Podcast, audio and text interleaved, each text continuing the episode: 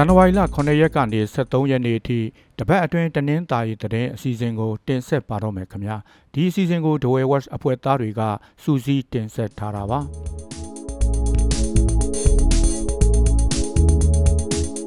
ရွာထဲကအင်ချီတဝက်နီးပါးမိရှို့ခံထားရတဲ့လောင်းလုံးမြို့နယ်ညောပြင်ရွာကဒေသခံတွေအရေးပေါ်အကူအညီတွေလိုအပ်နေပါတယ် တဝဲကနေမိုင်30ကျော်ဝေးတဲ့ညောပြင်ရွာကနေအိမ်100ကျော်ကိုစစ်ကောင်စီတပ်ကဒီဇင်ဘာလ10ရက်ကမီးရှို့ဖျက်ဆီးခဲ့တာပါညောပြင်ရွာနာကအောက်ကျောက်ဝတ်ရွာမှာလဲနေအိမ်လေးဆောင်မီးရှို့ခံလိုက်ရပါတယ်လက်ရှိမှာတော့နေရက်စွတ်ခွာထွက်ပြေးနေကြရတဲ့ဒေသခံတထောင်ကျော်အတွက်စားနပ်ရိက္ခာဆေးဝါးနဲ့နေရာထိုင်ခင်းတွေအရေးပေါ်လိုအပ်နေပါတယ်။လောင်းလုံးမြို့နယ်ပြည်သူ့အုပ်ချုပ်ရေးအဖွဲ့ကလည်းဒေသတွင်းထွက်ပြေးတင်းရှောင်နေရသူတထောင်ကျော်ရှိတယ်လို့ထုတ်ပြန်ထားပါတယ်။ အင်ချီ900လောက်ရှိတဲ့ညောပြင်ရွာမှာနေအိမ်မီးရှို့ခံရတာနှစ်ကြိမ်ရှိပြီဖြစ်ပြီးစုစုပေါင်းနေအိမ်200လောက်ပျက်စီးသွားပါတယ်။တဝဲမျိုးပေါ်မှာအိမ်ငှားနေသူတွေဟာအစရင်တိုင်လို့ပေးရတဲ့ကုန်ကြစရိတ်ပုံမများပြားလာပါတယ်။အရင်ကဆိုရင်အစရင်စရိတ်ကျပ်2000ပေးရပြီးတလတစ်ကြိမ်ပဲတိုင်ရပြီမဲ့ဒီဇင်ဘာလတတိယအပတ်ကစလို့1500ကျပ်ပေးရပြီးတပတ်တစ်ကြိမ်တိုင်နေရတယ်လို့ဆိုပါတယ်။ ဒါကြောင့်မို့အရင်ကထက်အစင်းဈေးရိတ်အဖြစ်တလကိုကြက်4000လောက်ပူကုန်လာတယ်လို့ဒဝယ်မြို့ပေါ်မှာအိမ်ငှားနေရသူတွေကပြောပါတယ်။အစင်းကိုတစ်ပတ်တစ်ကြိမ်တန်ရလို့ကုန်ကြစရိတ်တိုးလာတဲ့အပြင်အရင်ကထက်ပိုပြီးတင်းကျပ်လာတယ်လို့ဆိုပါတယ်။လက်ရှိမှာတော့အစရင်တိုင်ချိန်အိမ်ငှားနေထိုင်သူတွေရဲ့ဓာတ်ပုံဖုန်းနံပါတ်တွေကိုလည်းတောင်းခံလာသလိုစစ်ဆေးမေးမြန်းတာလည်းပိုများလာတယ်လို့ဆိုပါတယ်။ ပြီးခဲ့တဲ့နှစ်ဒီဇင်ဘာလတတိယပတ်က PDF တပ်ဖွဲ့တွေဒဝယ်မြို့ပေါ်ရောက်လာတဲ့ဗီဒီယိုဖိုင်လူမှုကွန်ရက်ပေါ်ပြန့်နှံ့လာပြီးတဲ့နောက်အခုလိုတင်းကျပ်လာတာလို့မြို့ခံတွေကပြောပါတယ်အစင်းတိုင်ကြားချိန်ရက်ွက်အုပ်ချုပ်ရေးမှုတွေကငွေကြေးတစုံတရာတောင်းခံတာမလုပ်ရဘူးလို့ဥပဒေမှာပြဋ္ဌာန်းထားပေမဲ့လက်ရှိမှာတော့ငွေကြေးကောက်ခံနေကြတာပါ တရချောင်းပြိုနယ်ရငဲကြီးရွာမှာလည်းလက်နက်ကြီးကြားလို့နေအိမ်တဆောင်မီးလောင်ပျက်စီးသွားပါတယ်။ရွာနာကအယိုးအိုးတောင်ပေါ်မှာတက်ဆွဲထားတဲ့စစ်ကောင်စီတပ်က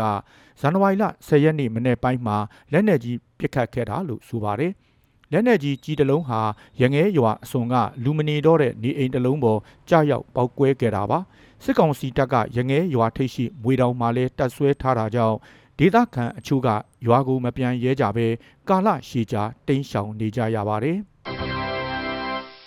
ပြည်သူ့ကာကွယ်ရေးတပ်တွေကပြစ်ခတ်ရှင်းလင်းဖို့၃ကြိမ်တန်တိုင်ကြိုးစားခဲ့မှုတဲ့တရချောင်းမြို့နယ်ပြင်းဖြူသားရွာအုပ်ချုပ်ရေးမှုဟာဇန်နဝါရီလ10ရက်နေ့ကပြစ်တက်ခံရပါတယ်။အသက်38နှစ်အရွယ်ပြင်းဖြူသားရွာစစ်ကောင်စီခတ်အုပ်ချုပ်ရေးမှုဦးစော်ဝမ်းကိုစိုက်ကယ်လေးစီးနဲ့လာတဲ့လက်နက်ကင်တွေကသူ့နေအိမ်မှာပဲပြစ်တက်သွားတာပါ။ သူဟာအာနာမသိန်းခင်ကလေးကအုပ်ချုပ်ရေးမှုတာဝန်ယူထားသူတဦးလည်းဖြစ်ပါတယ်။ဦးစော်ဝမ်းကိုပြည်သူ့ကာကွယ်ရေးအဖွဲ့တွေကပြစ်တက်သွားတာလို့စစ်ကောင်စီဘက်ကထုတ်ပြန်ထားပေမဲ့ပြည်သူ့ကာကွယ်ရေးအဖွဲ့တွေဘက်ကတော့ဇန်နဝါရီလ17ရက်နေ့ညနေအထိထုတ်ပြန်ထားတာမရှိသေးပါဘူး။တေဆုံးသူဦးစော်ဝမ်းဟာလက်နက်ကင်ဆောင်ထားတဲ့ပြူစောတိအဖွဲ့ဝင်တဦးဖြစ်တယ်လို့ဒေသခံတွေကပြောဆိုကြပါတယ်။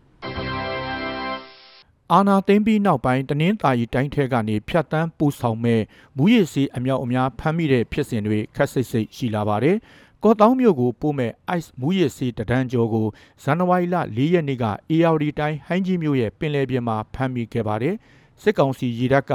ရန်လင်းကျော်အမည်ရှိတဲ့ဆက်လီငယ်တစည်းပေါ်မှာဖမ်းဆီးခဲ့တာလို့ဇန်နဝါရီလ17ရက်နေ့ကထုတ်ပြန်ထားတာပါ။လှေပေါ်မှာအမျိုးသား၄ဦးနဲ့အတူကြက်သိန်းပေါင်း3သိန်း6000ကျော်တန်ဖိုးရှိတဲ့ ice မူရစ်စီတဒန်းကျော်ကိုဖမ်းမိခဲ့တာလို့ဆိုပါတယ်။အဲ့ဒီမူရစ်ဆေးတွေကိုကော့တောင်းကနေတစ်စစ်ပြပကိုတဲဆောင်မှာဖြစ်တယ်လို့ဆိုပါတယ်။နောက်တစ်မှုကတော့ကော့တောင်းမြို့ကိုပို့ဆောင်မဲ့မူရစ်ဆေးဝါးအမြောက်အများကိုမွန်ပြည်နယ်မှာဖမ်းမိတယ်လို့စစ်ကောင်စီကဇန်နဝါရီလ10ရက်နေ့ကထုတ်ပြန်လာပါတယ်။2ဘီလီယံနီးပါးတန်ဖိုးရှိတဲ့မူရစ်ဆေးပြား8000ကျော်ကိုဒဝယ်မြို့ပြောတော်ဝရက်ကွက်မှာနေထိုင်တဲ့လင်မယားနှစ်ဦးကတဲဆောင်လာတာပါ။ အဲ့ဒီမူရစ်ဆေးတွေကိုရှမ်းပြည်နယ်ကနေကော့တောင်းမြို့ကိုပို့ဖို့လဲလာတာလို့ဆိုပါတယ်။ကွင်းဆက်တရားခံနှစ်ဦးကိုလည်းကော့တောင်းမြို့မှာဖမ်းမိခဲ့တယ်လို့ဆိုပါတယ်ပြီးခဲ့တဲ့နှစ်ဇန်နဝါရီလဆန်းပိုင်းကလည်းရှမ်းပြည်နယ်ကနေကော့တောင်းကိုပို့မဲ့စိတ်ကြွဆေးပြား၈သိန်းကျော်ကိုဖမ်းမိခဲ့တယ်လို့အော်တိုဘာလကုန်ကလည်းငွေကျပ်104ဘီလီယံတန်ဖိုးရှိ ice မူရဲ့ဆေးတွေကိုကော့တောင်းမြို့ရဲ့အနောက်တောင်ဘက်ပင်လယ်ပြင်မှာဖမ်းမိခဲ့ပါတယ် အာရှမူရစ်မှောင်ခိုဂိုင်းတွေဟာမြန်မာနိုင်ငံကတစ်စစ်မူရစ်မှောင်ခိုကြရမှာရေချောင်းလမ်းကိုအဓိကအသုံးပြုနေတယ်လို့မူရစ်စေဝါနဲ့ရာဇဝတ်မှုဆိုင်ရာကုလသမဂ္ဂရုံးကထုတ်ပြန်ထားပါတယ်တနင်္သာရီမြို့နယ်မော်တုံးကျေးရွာအုပ်စုမြို့ဟောင်းရွာကမိုင်းနေမိတဲ့ရွာသားတဦးခြေထောက်နှစ်ဖက်စလုံးဆုံးရှုံးသွားပါတယ်။ မြို့ဟောင်းရွာသားဖြစ်တဲ့အသက်45နှစ်အရွယ်အမျိုးသားဟာဒီဇင်ဘာလ30ရက်နေ့ညနေပိုင်းမှာဝါခုတ်သွားချိန်မိုင်းနေမိတာပါ။အမှတ်306စစ်ကောင်စီအမြောက်တပ်ရင်းရဲ့တောင်ဘက်ပေတရာဝင်းကျင်အကွာမှာနင်းမိတာလို့ဆိုပါတယ်။မိုင်းထီတဲ့နေ့ကဘဲဘက်ခြေထောက်ဖြတ်လိုက်ရပြီးညာဘက်ခြေထောက်ကိုဇန်နဝါရီလ9ရက်နေ့မှာထပ်ဖြတ်လိုက်ရတယ်လို့ဆိုပါတယ်။မိုင်းနေမိတဲ့ကာလမှာမော်တုံးကျေးရွာအုပ်စုတွင်တိုက်ပွဲဖြစ်တာမရှိဘူးလို့ရွာသားတွေကပြောပါတယ်။ ဇန်နဝါရီလ9ရက်နေ့ကလည်းတနင်္သာရီမြို့နယ်ညောင်မေကွင်းရွာကအသက်ကြီးအမျိုးသမီးတဦးမိုင်းနေမိလို့ခြေထောက်တစ်ဖက်ဆုံးရှုံးသွားပါတယ်။စစ်ကောင်စီရဲ့961ချင်းမြန်တပ်ရင်းကထောင်ထားတဲ့မိုင်းကိုစိုက်ခင်းကအပြန်ရောဘာဒေါထဲမှာနင်းမိခဲ့တာပါ။မိုင်းနေမိတဲ့အသက်60ကျော်အရွယ်အမျိုးသမီးကြီးရဲ့ဘဲဘက်ခြေထောက်ဆုံးရှုံးသွားပြီးသူနဲ့အတူပါလာတဲ့အမျိုးသမီးတဦးကတော့ဒဏ်ရာရသွားတယ်လို့ဆိုပါတယ် စစ်အာဏာသိမ်းပြီးနောက်ပိုင်းတနင်္သာရီတိုင်းထဲကမြို့နယ်အချို့မှာအယက်သားမိုင်းနှင်းမိတဲ့ဖြစ်စဉ်တွေခက်ဆစ်စိတ်ရှိနေတာပါမြိတ်ခရိုင်ပြည်သူ့ကာကွယ်ရေးတပ်ရင်းတစ်ကိုထောက်ပို့အဖွဲ့12ဖွဲ့ကထောက်ပတ်တာတွေရပ်ဆိုင်းလိုက်ပါတယ်။ပြည်သူ့ကာကွယ်ရေးတပ်ဖွဲ့ဝင်တအူမွန်မှန်တင်တန်းမတက်တဲ့အပေါ်ဒုတက်ရင်မှုကလှုပ်ထုံးလုံနည်းနဲ့အညီအပြစ်မပေးဘဲတနတ်တင်နဲ့ထုတဲ့ဖြစ်စဉ်တစ်ခုဒီဇင်ဘာလ23ရက်နေ့ကဖြစ်ပွားခဲ့တာပါ တနတ်တင်နဲ့ထူထောင်းခဲ့တဲ့အပြင်တနတ်နဲ့ချိန်ရွယ်တာအချုပ်ချတာတွေလည်းပြုလုပ်ခဲ့တယ်လို့ဆိုပါတယ်အဲ့ဒီဖြစ်စဉ်အပေါ်စောရကတက်ခဲ့တဲ့ဗန္နာရေးမှုကိုလည်းဒုတက်ရင်မှုကပါရိုက်ခဲ့တယ်လို့ဆိုပါတယ်။လက်အောက်ငယ်သားတွေအပေါ်ကျူးလွန်ခဲ့တဲ့ဒုတက်ရင်မှုအပေါ်အပြစ်ပေးအရေးယူတာမရှိတဲ့အတွက်ထောက်ဖို့အဖွဲ့တွေကထောက်ပတ်တာရပ်ဆိုင်းလိုက်တာပါ။ပါရိုက်ပြီးတနတ်တင်နဲ့ထူထောင်းခဲ့တဲ့ဒုတက်ရင်မှုကို UNG ကာကွယ်ရေးဝန်ကြီးဌာနကိုတိုင်ကြားထားပေမဲ့အရေးယူတာမရှိသေးဘူးလို့ဆိုပါတယ်။ ထောက်ဖို့အဖွဲ့တွေကတော့စစ်ဆေးပြီးအရေးယူဖို့လိုလားနေတယ်လို့အချုပ်ချထားတဲ့ PDF ရဲဘော်ကိုလည်းပြန်လှော့ပေးစီချင်နေတာပါ။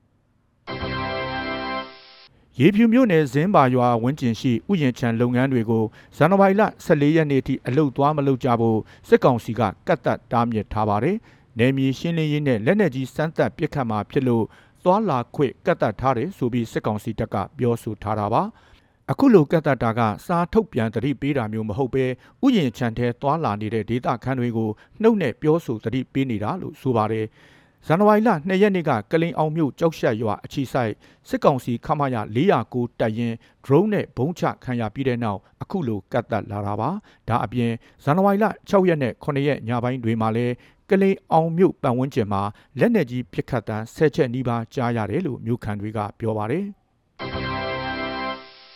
အခုလိုနားဆင်ပေးတဲ့အတွက်ကျေးဇူးအထူးတင်ရှိပါတယ်ခင်ဗျာသောတာရှင်များကျမ်းမာချမ်းသာပြီးကပ်ဘေးအပေါင်းမှဝေးနိုင်ကြပါစေလို့ဒဝဲဝက်ဝိုင်းတော်သားများကဆုမွန်ကောင်းတောင်းလိုက်ပါတယ်ခင်ဗျာ